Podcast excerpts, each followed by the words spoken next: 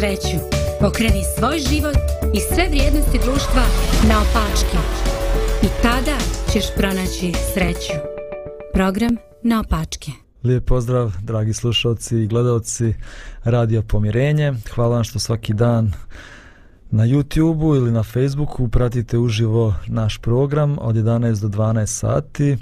A također nadam se da i u toku dana možete da pratite program koji nije uživo, ali koji može donese neke pozitivne vibracije u vaš život. Danas pozdravljam ovdje u studiju moje koleginice Lidiju i Draganu, a također pozdravljamo i naše kolegu Zdravka koji nije ovdje sa nama u studiju, ali nam se priključuje sa jednog lijepog mjesta. Zdravko, je možeš nam reći koje je to lijepo mjesto? Vidimo neku finu ovako brvnaru u kojoj se nalaziš. Da. Pa vidiš onako sam sam ti u, u nekoj u nekoj prirodi čisto se podmlađuje. Da, ovdje sam u liniji ovaj Mrkonjića i ovaj ako izuzmem ono što sam juče rekao da nas ovaj e, da se e, kiša sa nama igra Partizana, sad hoće sad neće ovaj zaista ovaj predivno ovaj vazduh raspoloženja e, ujutru ovaj ptice bude i ovaj zaista nešto što je ovako fantastično za oporavak duše i mozga. Super, super. Pa evo, nadamo se da ćemo i mi uskoro moći da dođemo na to lijepo mjesto. To je lijepo mjesto se zove Balkana, jezero Balkana pored Mrkonjić grada. Dobro, danas nastavljamo temu koju smo započeli prošli put u ovom programu na opačke. Govorimo o promjeni, o transformaciji ili o a, riječima koje nalazimo u svetim knjigama novorođenje, kako to doživjeti. Prije neki dan sam tako vozio auto i slušam radio i slušam pjesmu Petra Graše. A pjesma otprilike ide ovako. Ostaću uvijek isti, nikad se neću minjat. Ostaću uvijek isti, u to sve ne smi dirat. Navijačka. A, dobro, dobro, bravo, Bože. Baš da služuješ jedan glas. I čak ova pjesma, ide pjesma i dalje i kaže, kad budem ima dite, dišpet ili inat će isti ili tvrdoglavost će isti imat i ja sam ka moj stari ne dam se, ne dam minjat. Hmm, opasno. I baš pomislim na ovu našu emisiju pa evo ne znam jel vi pjevate ovako kao Petar Grašo ostaću uvijek isti nikad se neću minjat Pevamo, pevamo, koliko primenjujemo. da možda sam ja malo ovo uzeo izvan konteksta, možda on govori o nekim svojim dobrim osobinama koje ima, ali ne znam nija da li baš o tome govori, ali evo to je nekako stav nas ljudi, ma šta ti meni sad ima da govoriš da se ja trebam mijenjati, ma neću se nikad promijeniti, ma ostaću uvijek isti, ko što je moj stari bio, tako ću i ja, a i moje dijete i ono nek bude tako isto kao i ja. Ove, ne znam, eto, da li imate takav stav ili pjevate neke drugačije pjesme? Da, meni je u istom, u istom fonu mi se mnogo dopada ono, ovaj, uh, oprosti mi pape, što sam druge slušao. E, da. Ja sam pape isti jer sam život kuša. Znači, on je pokušao nešto da mudruje, onda je rekao, stari, prešao sam se, pravio sam se pametan, isti smo. da, to je Oliver Dragojević. Yes. Da. A, Ali se ja neću pokušati to da otpjevam kao Bož. o, štete Baš šteta, očekivali smo. pa dobro. Pa evo da, govorimo o tome. Čak eto, ti kažeš, neki ljudi pokušaju nešto promijene, na kraju shvate isti sam ko što je i moj otac, isti sam kao sva moja porodica. Nema tu mnogo ovaj, promjene ni u mom životu. I onda često ljudi odustanu od promjene i onda kažu promjena je nemoguća. Kakav sam bio, takav ću uvijek ostati. A s druge strane, kad otvorimo stranice Biblije, tamo čitamo, ne znam, kaže, ako je ko u Hristu, novo je stvorenje, staro prođe, gle, sve novo nastade. I tako svaka stranica Biblije govori o promjeni ali nekako mi to baš ne doživljavamo u našem životu.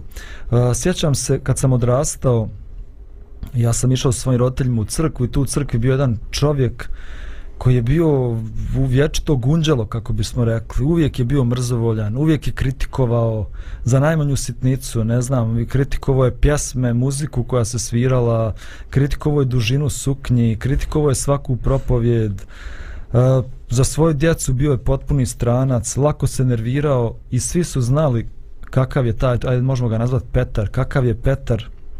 Kao mladić je bio mrzovoljan i ostario je mrzovoljan. Petar se nije mijenjao. Ali najstrašnije od svega toga je činjenica da niko zbog toga nije bio iznenađen. Kao da su svi očekivali da će on ostati uvijek isti. Nikad se nije odbor crkve sastao da razmatra tu čudnu pojavu, da neko cijeli život dolazi u crkvu, da slijedi sva crkvena upustva za duhovni rast, a ostaje nepromijenjen. Niko nije ni očekivao da se Petar promijeni. Crkva jest imala neka očekivanja. Očekivali su da Petar redovno dolazi u crkvu, da proučava crkvenu literaturu, da daje darove i da izbjegava velike grijehe. Ali nikad nismo očekivali da će Petar progresivno postati slični Isusu u toku vremena. Nismo nikad očekivali da će iz godine u godinu imati više ljubavi, saosjećanja, radosti i da će iz godine u godinu postati sve bolja, dopadljivija osoba. U stvari mi bismo bili veoma iznenađeni da se tako nešto dogodilo. Pa možda, pa evo malo da razgovaramo i o tome. Ako Biblija govori o promjeni, o transformaciji, o novom stvorenju, zašto onda mi tako teško vjerujemo u to? Šta je pogrešno u našim religioznim sistemima kada ne stvaramo takve nove ljude, transformisane ljude, bolje ljude? zašto se ta promjena ne, doš, ne dešava. I prošli put smo malo o tome pričali, evo može moj danas malo da damo neki uvod pa ćemo malo dublje da zađemo u priču. Pa problem je što su to religiozni sistemi. Dakle, religiozni sistem je organizovani način razmišljanja i tumačenja e, uh, religioznih postavki. Dakle, ovaj mi o svemu imamo ovaj svaka zajednica u stvari. E mi to ovako učimo u ovakvim situacijama se ovako po, ovaj ponaša.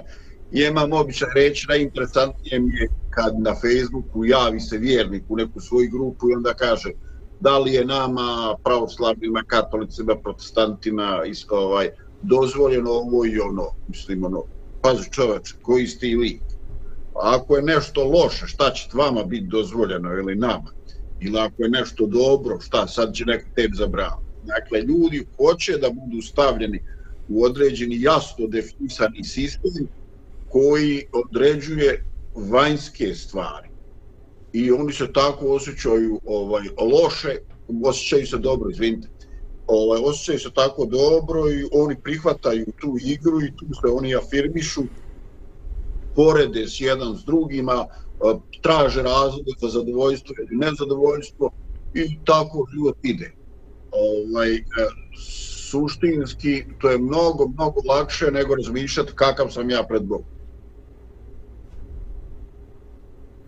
Pa da, i crkva definiše pravila ponašanja generalno uh, i onda kažem ako se uklapaš u ta pravila to je u redu, a ako se ne uklapaš e to sankcionišemo.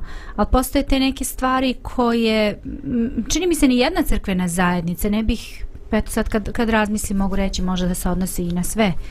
Ovaj, hajde da ne budem sad uput... Ja, ok, dobro. Ja mislim, ja mislim da se odnosi uglavnom na sve, zato što um, nekako niko ne zalazi u u ljudska osjećanja, ko si ti da sad mene tumačiš, jesam li se ja promijenila ili se nisam promijenila, sam li ostala ista, ti sad tumačiš mene ko sam ja i šta sam ja, otkud tebi pravo da to činiš.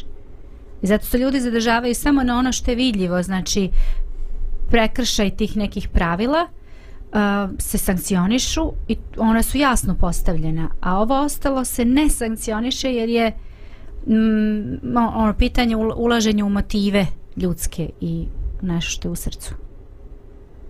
Ma, u većini zajednica se ne sankcionišu ni, ovaj, ni, ni, ni prekšaj. E, jednostavno se konstatuje da neko presto dolaziti ovaj, u crkvu, da je prestao donositi koljivu za slavu, da je a, prestao ovaj a, davati a, da je prilog u džamiju ili tako.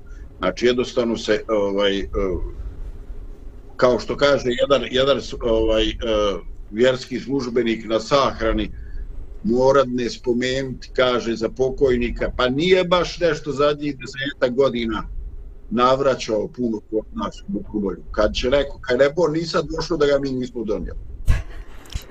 Ima kod te promjene ovaj, isto to, gledamo sad s jedne strane, um, kao što, što si reć, već rekao Boža, ovaj, masa ne očekuje da se taj određeni pojedinac nešto promijeni.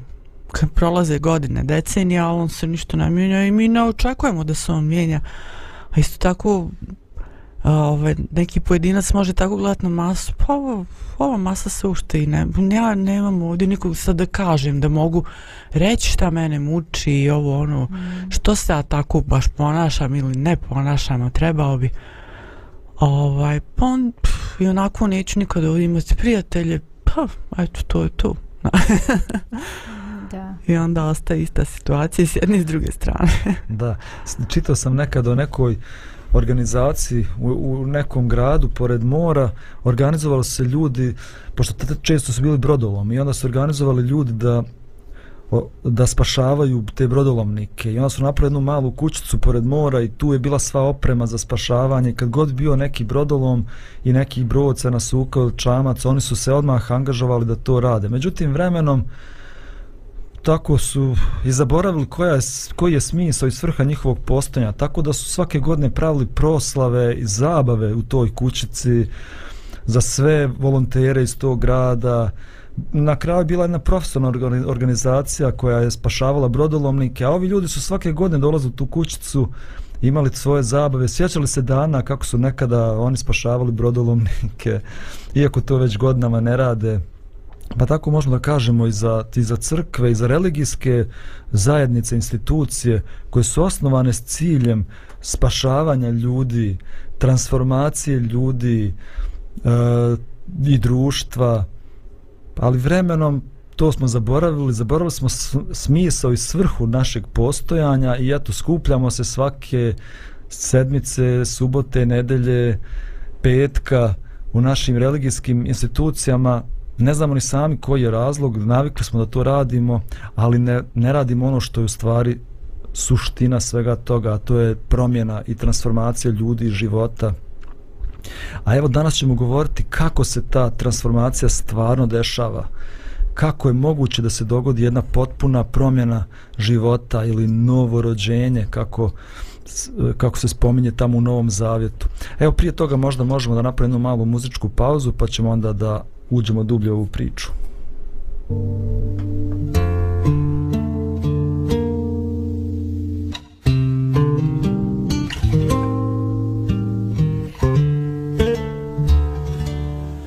Zašto sam kao prašnja prozor Što ne propušta tvoj sjaj Zašto sam kao kasna zvezda Na već plavom nebu Zašto kad želim da ti dam Moje srce kamen Da te jače volim Želim sad ja.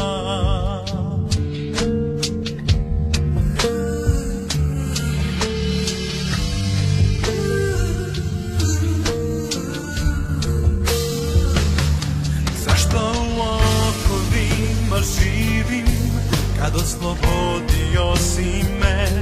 Zašto još slamam srce tvoje? Pre nego kleknem pred tobom Ja znam za promenu je vreme. Da dan celo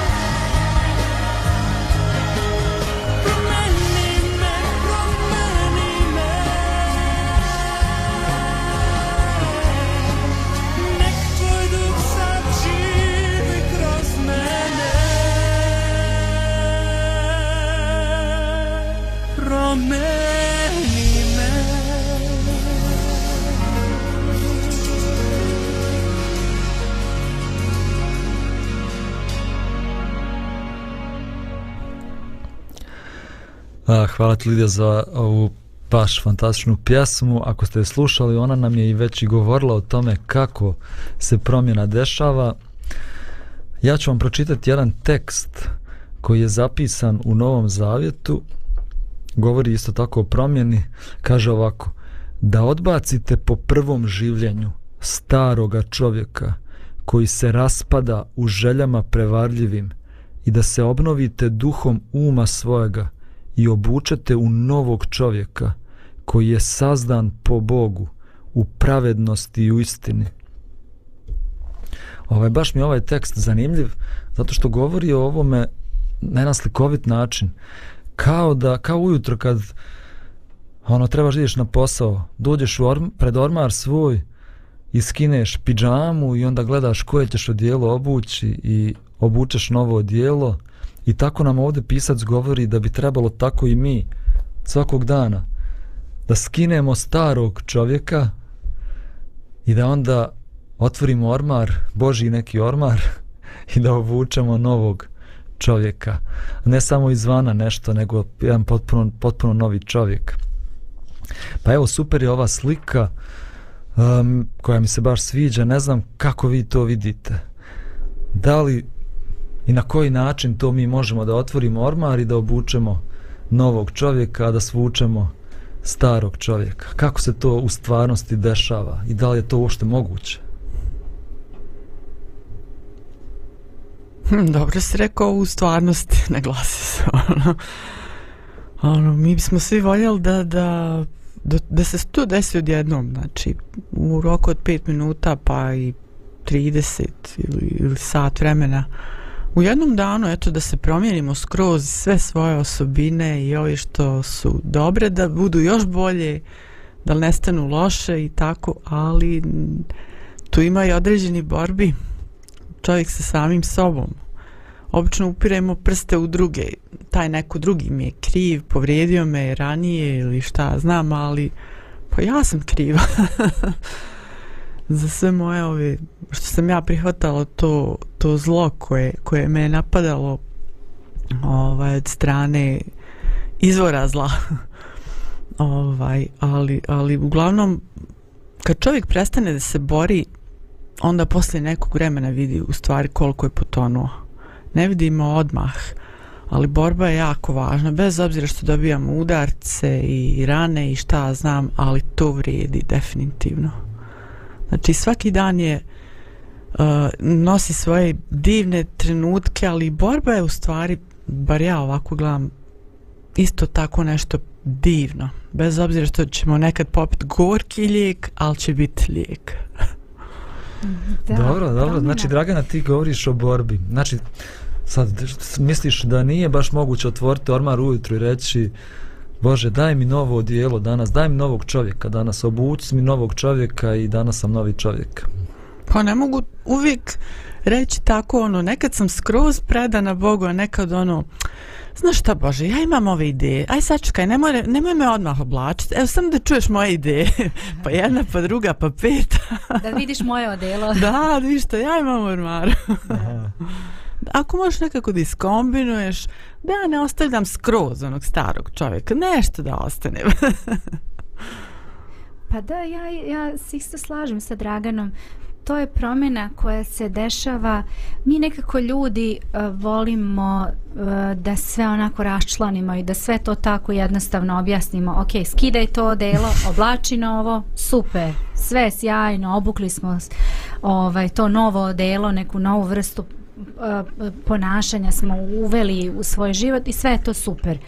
Ali postoji nešto što se zove mistični taj kontakt koji ostvariš sa Bogom i ta promjena koja se dešava u čovjeku, ti čak ni ne znaš da objasniš šta se dešava, zašto, kako, ali to vidiš ti i vide ljudi oko tebe. E, to je taj neki dodir koji Bog čini a, u svakom pojedincu i koji se, a, koji se dešava. Nekada to zna da bude i dramatično i da baš osjetiš i da vide ljudi oko tebe, ali nekada zna da bude i postupno, znači da prolazi neko određeno vrijeme dok ne dođe do neke vrste promene. I ja mislim da definitivno ta promjena mora da se vidi, jer ako se ne vidi onda pitaš se da li je uopšte došlo do promjene i koja je svrha, jer do te promjene dolazi da bi smo mi bili bolji i da bi ljudi oko nas mogli da dožive tu promjenu koju je Bog učinio u nama. Mhm. ovaj, mislim da se sve vrijeme ovako lomimo u upotrebi svršenog i nesvršenog glagola. Ovaj, da li mi dakle govorimo o nečemu što treba da se desi, što je definišen trenutkom, ili govorimo o nečemu što se trajno dešava, ovaj, samo mu se eventualno mijenja predznak promjene. Ovaj, da ideš bliže svjetlu ili ideš dalje, ideš, ideš u tamo evo, iskustveno u našem životu. Ovaj, mi imamo stalno onaj, istočnjaci bi rekli yin yang, imamo pozitivno i negativno. E sada mi imamo veliku težnju da to ovako rašlanimo na svijetlo i tamno. Imamo tamnu prirodu, imamo onu drugu jeli, prirodu. Ali uvijek u onome što mi zovemo pozitivna priroda imamo elemente onoga tamnog i ljudi sa tamnom prirodom uvijek u sebi imaju nešto, jel tako? Vidite kako sam se prigodno obukao za temu. baš hoću da kažem, da ilustruješ nam to fino. Ma, kudo je, da. Ovaj, eto, znači mi, mi jednostavno ovaj, i to tako želimo da pojednostavimo jer nam je to lakše. A ako pitate za moj, ovaj, za moj utisak, a mislim da je jedino to i ovaj moguće, jer eh, koga bi mi sad uzeli kao neki primjer čovjeka u kome se odigrala ta procedura, ako, pri, ako razmišljamo u kategoriji svršenih glagola, evo ovaj čovjek se posvetio, daj ga dovedi i stav ga među nas, troje, četvero, da ga račlanjujemo, rastavljamo na proste faktore i da vidimo šta mi to od toga možemo. Znaš, ko kad protivnička strana ovaj prizemni e, tuđu bespilotnu letjelicu, pa je odba svu rašraf i da vidi da ukrade tehnologiju. Tako bi i mi toga sve toga čoveka malo da rašrafimo i da vidimo da ga dobro ispitamo šta se radio, u kakve se procedure ulazio i tako. Ali ovaj e, e, teško je to naći, sumnjam da bi se mi dogovorili koga da stavimo među nas, pa da ga rašrafimo. Ovaj, mome iskustvu, i mislim da je to jedino što mi možemo dati, mom iskustvu je bliža, uh, bliža misao da se ne sve radi o svrštenom blagom, što treba u jednom trenutku da se desi, ne o nečemu što se ovaj stalno dešava, što nažalost mijenja smjer, nekad prema pozitivnom, nekad prema negativnom, ali što će ovaj, u jednom trenutku morati se prelomiti i ostati usmjereno prema dobru ili prema zlu. A ako ne prije, onda na sudnji dan ili u času naše smrti. Dakle, e, dolazi trenutak, doće trenutak kad neš više moći promijeniti smjer. Što bi ti narod rekao, možeš brate kako hoćeš, ali ne možeš dokle. Mm. Ovaj, dakle, u kategoriji nesvršenih glagola, ovaj, mi moramo svjesni biti eh, da ne stojimo, da je naša promjena trajna. Ja u svom životu nisam upoznao proceduru šta treba da očitam koju molitvu pa da odmah dobijem odjeću za taj dan, ali mi niko ne brani da ja poželim to uvijek i da zavapim i nigde ne kaže da se to neće desiti, to je dan. Ali, ovaj, e, to još uvijek ne znači da isto iskušenje, ista potreba neće postojati i sutra. Mm -hmm. Ok, ok, super. Mislim da dobro, u dobrom smjeru idemo. Uh, samo da kažem ovo, kad se rekao sveti čovjek, sad ne znam nija kako vi zamišljate svete ljude, ja bih rekao da sam sreo ja mnogo takvih ljudi. Sve ljude koji su nasmijani, pozitivni, ljubazni. Mislim da je to ta ideal kome težimo. Ne neko ko je, ko je bez, bezgrešan, ne neko ko je ne znam dostigo ne znam kakvu visinu ili ima neki oreol iznad glave, nego neko ko je živ, ko je nasmijan, ko je svakog dana radostan, neko ko te pozdravi nasmijano i pita te kako si, pa mislim da to, to bi trebalo da raščlanjujemo i da pitamo pa kako si ti čovječe došao do toga. I, ima, je li imaš dobrog dilera?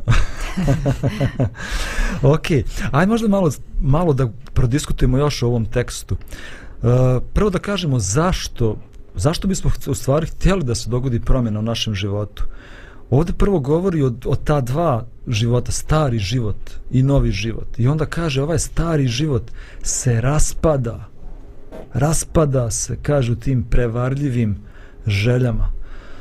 A, ne znam da ste vi nekad to doživjeli da taj stari naš život se bukvalno bio raspad sistema. Raspad sistema. Išlo se u nekom pogrešnom smjeru i došlo se do toga totalni raspad sistema.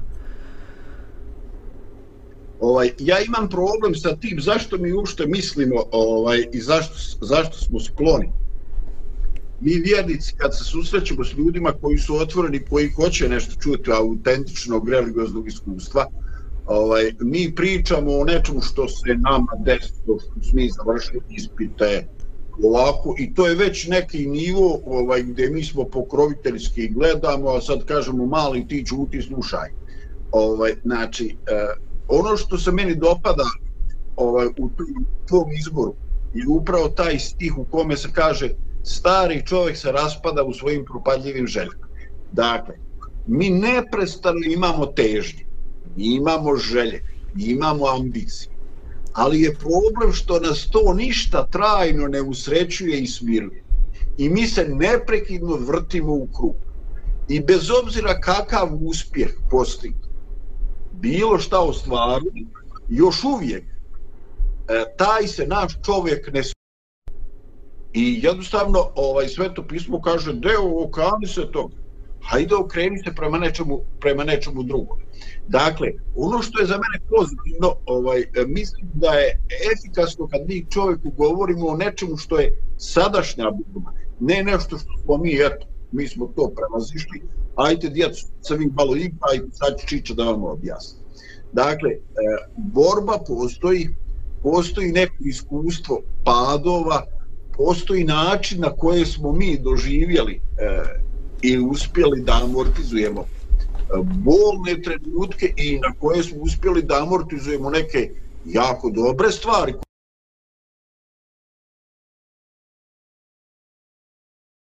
jel tako? Jer treba ostati normalan u velikoj sreći i u velikoj nesreći i u prosperitetu i u velikim iskušenjima. Ovaj, dakle, ja bi radije pričao tu o nekoj e, dinamici.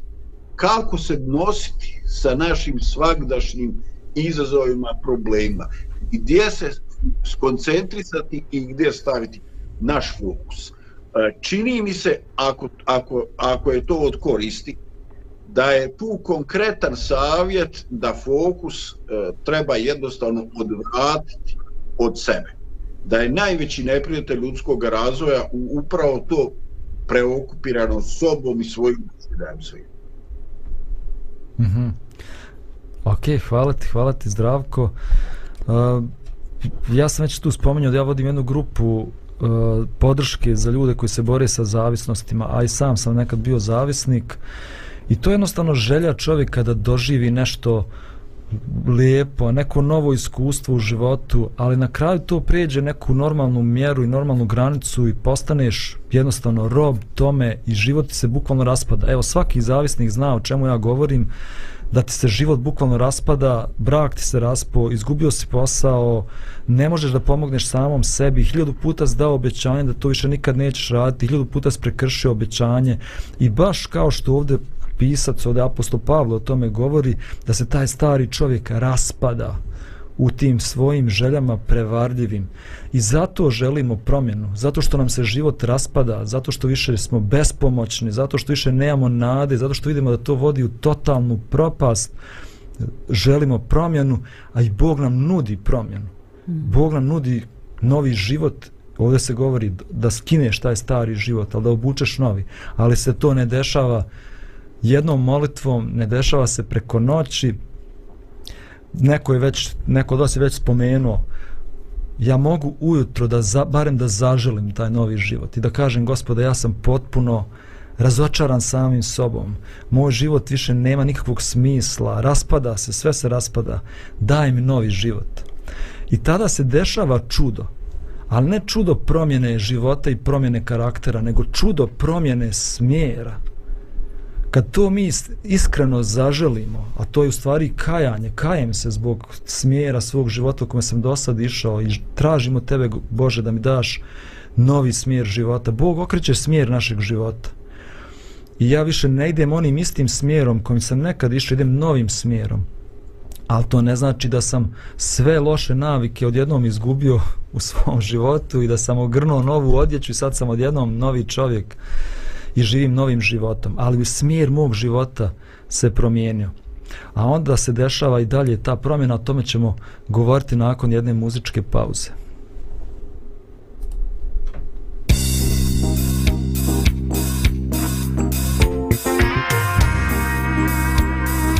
Radio Pomirenje.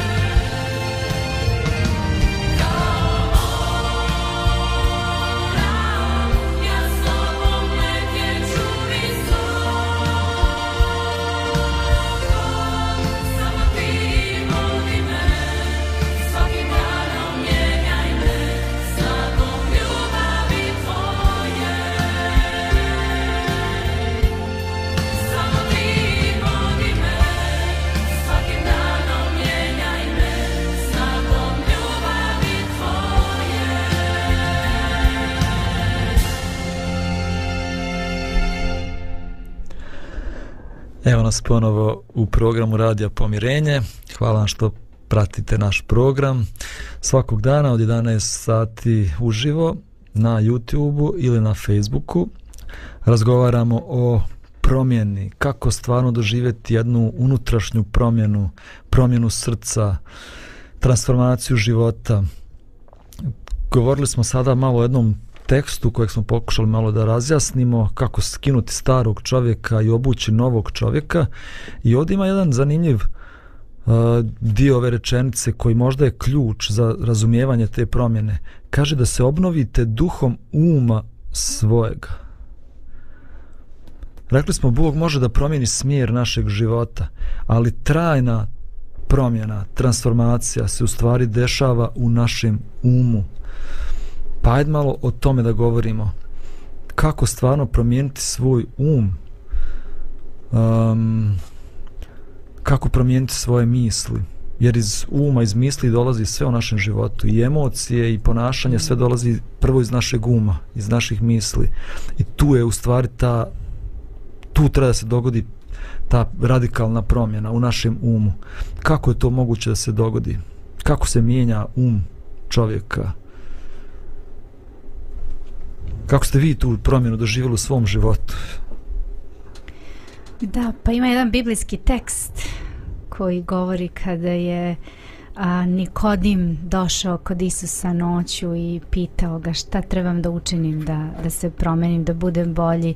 Ja sad to sve parafraziram, ovaj, a onda njemu Isus kaže, pa kaže kao što ne vidiš, ne vidiš vetar, ali kaže vidiš njegovo delovanje, e tako kaže Bog čini promenu a, u tebi.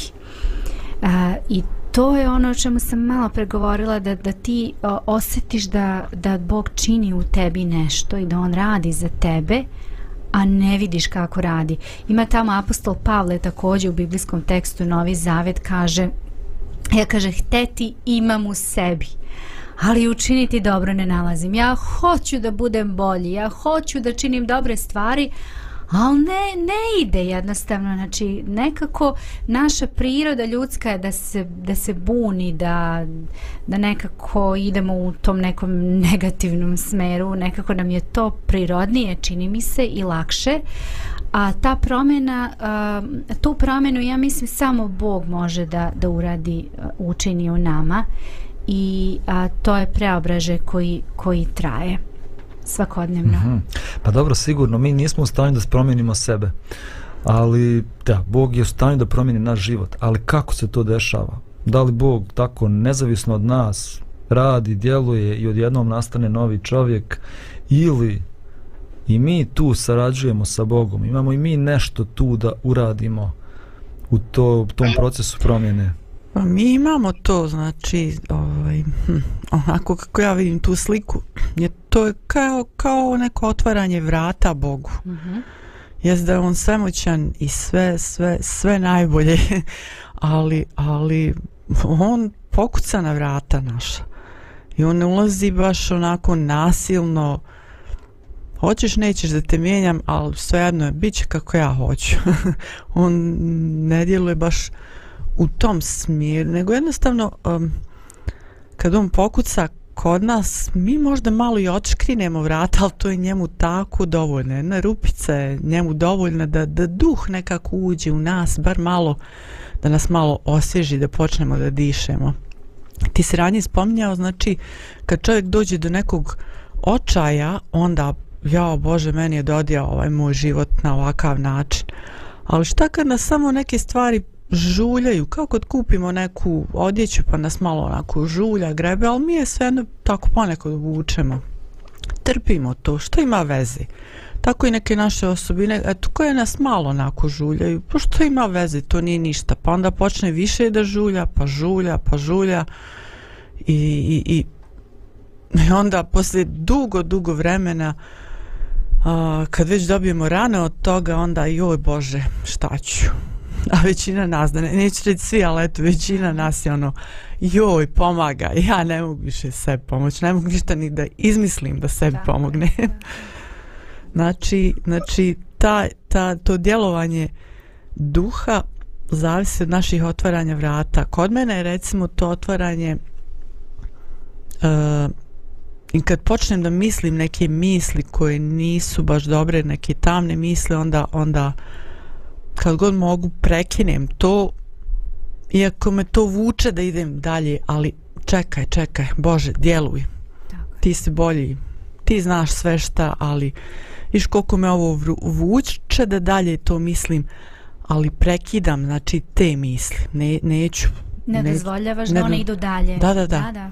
I to je moguće, ja to nisam ranije ni znala, ja sam mislila to je tamo samo eto vještački nešto, ne mogu ja to, mislim to ja ne mogu na duže staze, ali on me, u meni rađa tu tu želju vremenom sve veću i veću da se ja promijenim i tu osobinu i još jednu i još i još i još i da, da imam sve veću čežnju da se ja mijenjam zato što ja ne živim za sebe jednostavno sam dio toga svijeta koje je Bog stvorio i to je nešto najnormalnije ako hoću da živim u tom čudesnom svijetu ako znam da je ovo što vidim ovako očima i čujem ušima da je to vještački e onda, onda mi ovo sve prirodnije i prirodnije postaje Mhm.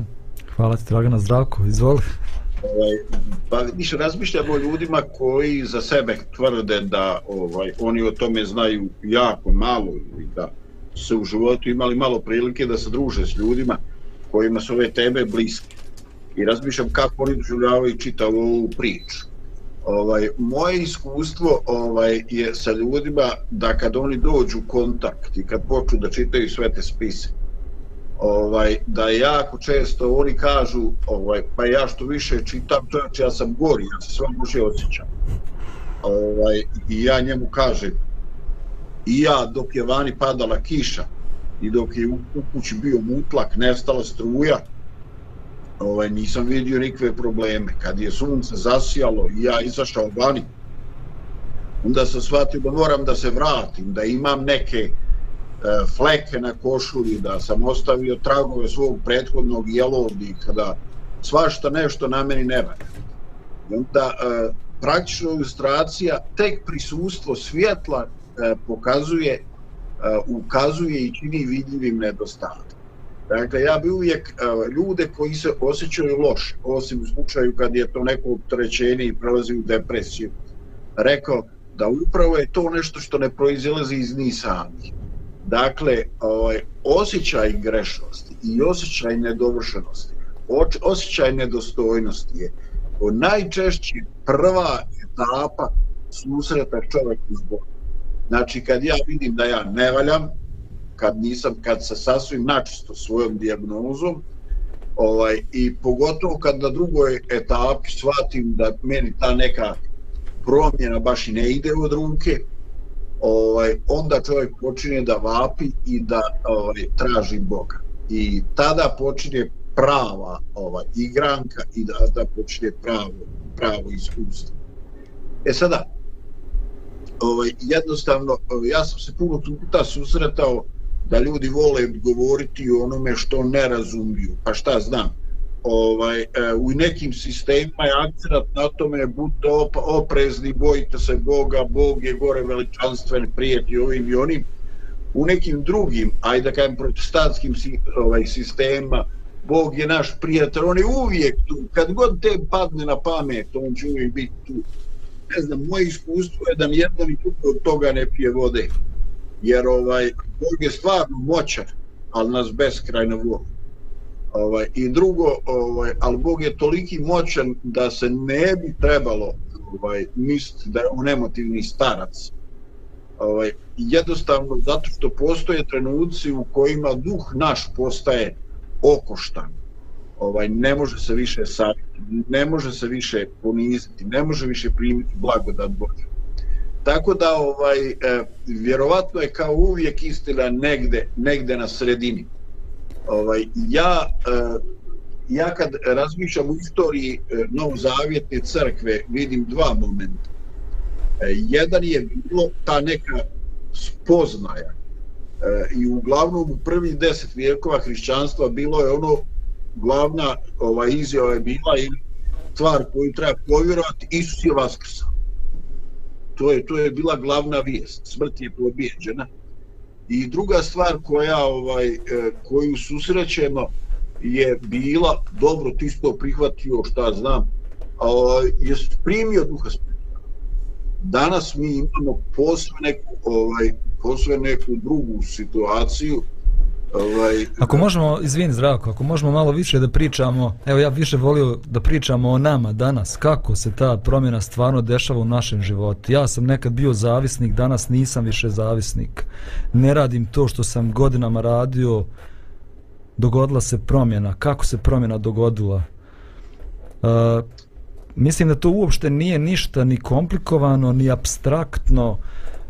Uh, kako se dešava promjena hoćeš da budeš atletičar, hoćeš da preskočiš 2 metra visine ili hoćeš da trčiš 100 metara za, ajde ne kažem 10 sekundi, ali za 20 sekundi, pa moraš da organizuješ svoj život tako da u tome uspiješ. Prvo moraš neke stvari da izostaviš iz svog života. Znači, ako ja hoću stvarno da budem atletičar, moram da izbacim čips, moram da izbacim Coca-Colu, moram da izbacim sve te nezdrave stvari koje mi neće pomoći uopšte, koje će mi biti prepreka da to postignem.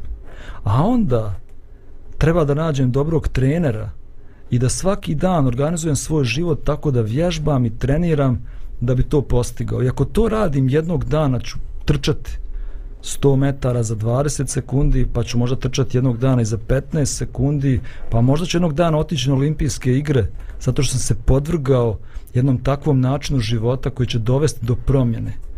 E u duhovnom smislu ta promjena na sličan način se odvija. Ovdje smo čitali da se ta promjena odvija u umu.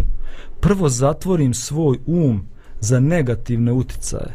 Ne mogu ja očekivati nikakvu promjenu u mom životu ako ja dopuštam da u moj um ulazi smeće svakog dana. Ako sjedim ispred televizora 6 sati i gledam sve moguće serije i filmove i na svom telefonu milion reels i ko zna šta drugo gledam i očekujem da će se dogoditi promjena da ja postajem bolja osoba, ljubaznija osoba, radosnija osoba, kvalitetnija osoba, znači ne mogu to očekivati. S jedne strane moram da zatvorim pristup mom umu za negativne uticaje. Naravno, nemo, nemoguće to uraditi u potpunosti. Živimo u svijetu koji je ispunjen zlom, i, ali koliko god do mene stoji, neću gledati one emisije, neću gledati programe na televiziji koje prljaju moj um. A s druge strane, otvorim sebe za pozitivne uticaje. Svak, svakog jutra, ja svakog jutra imam naviku već godinama, čitam dobre, dobru literaturu, dobre knjige koje me inspirišu, koje me motivišu, koje mi svakog dana daju volju da tog dana živim životom ljubavi, dobrote, poštenja, da se žrtvujem za druge ljude, da služim drugim ljudima. Izlažem se uticaju Božjim, Božjih duha, tako kažem, stavljam se na mjesto gdje Bog može da djeluje u mom životu i da radi u mom životu. I što se više izlažemo tom Božjem uticaju, to će veća promjena biti i brže će se ta promjena dešavati u našem životu. Da vidimo koliko imamo sati. 51, Dragana, izvoli. Pa, to samo znači čovjek nije stvoren znači da, da bude prazan kao neke religije što, što savjetuju jednostavno mi kao ličnost i naš um ne može nikad biti prazan kao što savjetuju oni u nekim vježbama. Ispraznite sve iz sebe i onda ćete osjetiti to božansko djelovanje postaćete kao bogovi šta znam. Jednostavno to što si ti rekao to je to. Znači a ne može se samo iščupati ono loše iz nas nego jednostavno treba naći ono što je bolje ili najbolje da, da nas izgrađuje kao ličnost. Mm -hmm, dobro. Ok, možemo još jednu jednu muzičku tačku da imamo prije samo kraja i zaključka ove naše emisije. Pošto evo već smo se raspričali, imam ja dosta toga što sam želio da govorim, ali možemo i sljedeće sedmice. Može. Radio, radio, radio, A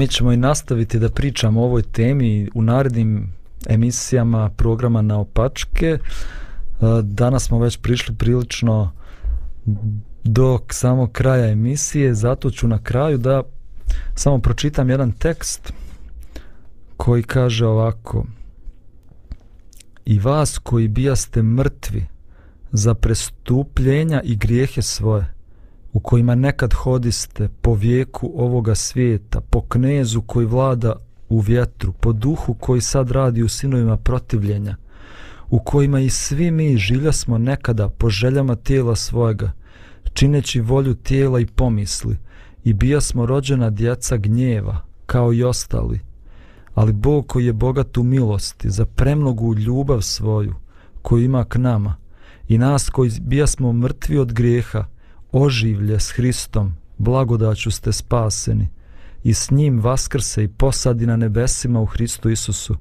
da pokaže u vjekovima koji idu preveliko bogatstvo blagodati svoje, dobrotom na nama u Hristu Isusu, jer ste blagodaću spaseni kroz vjeru i to nije od vas, dar je Boži, ne od dijela da se niko ne pohvali, jer smo njegov posao, sazdani u Hristu Isusu za dijela dobra, koja Bog unaprijed pripravi da u njima hodimo. Dragi naši gledalci i slušalci, zar nije ohrabrujuće da znamo da smo mi Boži posao, da Bog je voljan i spreman da radi zajedno sa nama na našoj promjeni, da stvori od nas novog čovjeka koji će biti, kako ovdje kaže, pripremljen da čini dobra djela. Ja želim da to bude iskustvo svakoga od nas, da poželimo da svučemo starog čovjeka, da u molitvi tražimo od Boga da nas obuče u novog čovjeka, a da onda svakog dana živimo sa Bogom, da se izložimo njegovom uticaju, a da zatvorimo svoj um i svoj život za sve negativne uticaje, za uticaje zla, da bi Bog mogao da djeluje svojim duhom i da u nama stvori novo stvorenje. Vidimo se ponovo sutra u novom programu i sa novim sadržajima na radiju Pomirenje. Želimo vam lijep i ugodan dan.